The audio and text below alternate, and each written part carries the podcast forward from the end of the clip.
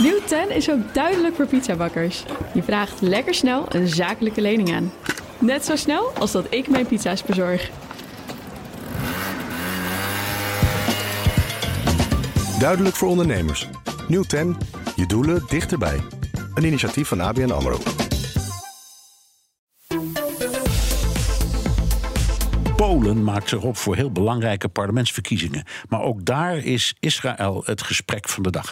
We gaan naar Poznan. Daar is Geert-Jan Haan, Europa-verslaggever en maker van de BNR Perestrojkast. Geert-Jan, de Poolse president Duda, eh, die verbond de aanval op Israël gelijk aan de Russische oorlog in Oekraïne. Wat zei jij? dat met name wij in het Westen er alert op moeten zijn dat deze nieuwe oorlog, uh, en tegelijkertijd oude oorlog natuurlijk, uh, maar die oorlog in Israël en de Gazastrook, dat die niet afleidt van de oorlog die Rusland momenteel in Oekraïne voert. Dat was eigenlijk zijn belangrijkste punt.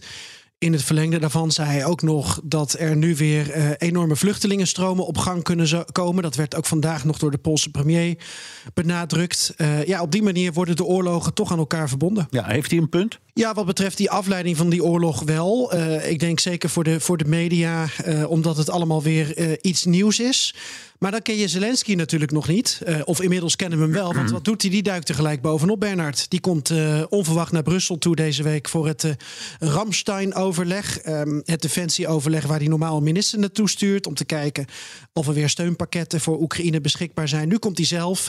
is een NAVO-top aangekoppeld. En um, ja, hij is daar en hij doet dat slim. Want hij praat ook naar Israël toe op een respectvolle manier. I remember the first days of our full scale war.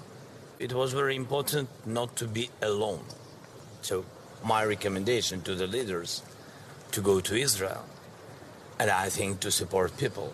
Just people. I'm not speaking about any institutions. Ja, Bernard, uh, Zelensky die, uh, wil dus ook alle ruimte geven aan Israël, maar wil zich ook eigenlijk in diezelfde slachtofferpositie plaatsen. Hè? Dus, en tegelijkertijd de vijanden, uh, Rusland en Hamas en misschien Iran, allemaal ook in één hokje plaatsen. Nou, als we kijken naar die aandacht voor um, Israël en Oekraïne, eigenlijk zie je in ons land dat premier Rutte die lijn ook volgt. Wil aangeven dat Israël alle steun van Nederland geniet. Um, maar ik denk ook dat hij um, richting Oekraïne dat wil blijven doen. Hij is vandaag hier in Polen bij Sobibor.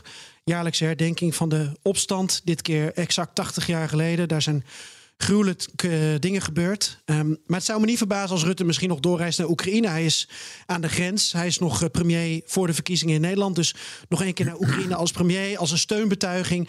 Dat zie ik hem uh, zeker doen. We weten het pas zeker als hij daar zou zijn natuurlijk. Maar het moment, dat zie ik Rutte wel pakken. Ja, beïnvloedt de nieuwe oorlog in Israël nog op een of andere manier die verkiezingen? Mogelijk, omdat elke stem uh, telt. Uh, de hele legertop hier is uh, opgestapt omdat de minister van Defensie zelf de evacuatie van Polen uit Israël naar zich heeft toegetrokken. En een aantal mensen in de legerleiding die, die noemden dat de, de, druppel, omdat deze minister eerder al operationele plannen op straat gooide um, om, om, om de campagne te voeren. en dat wordt dan breed uitgemeten in de onafhankelijke pers. Maar Bernard, ja, er leven hier ook een heleboel mensen in een bubbel.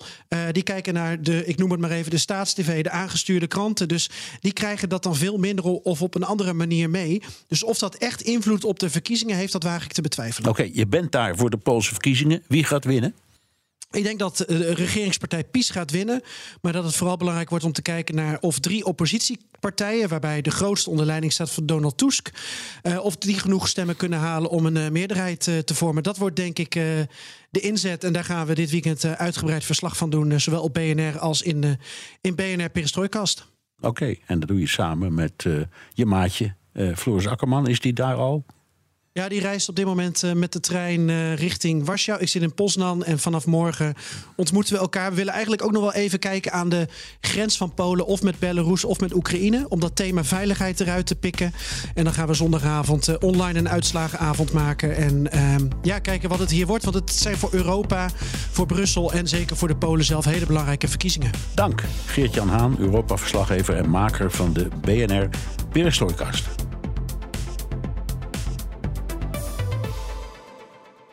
Nieuw 10 is ook duidelijk voor pizzabakkers. Je vraagt lekker snel een zakelijke lening aan. Net zo snel als dat ik mijn pizza's bezorg. Duidelijk voor ondernemers. Nieuw 10, je doelen dichterbij. Een initiatief van ABN AMRO.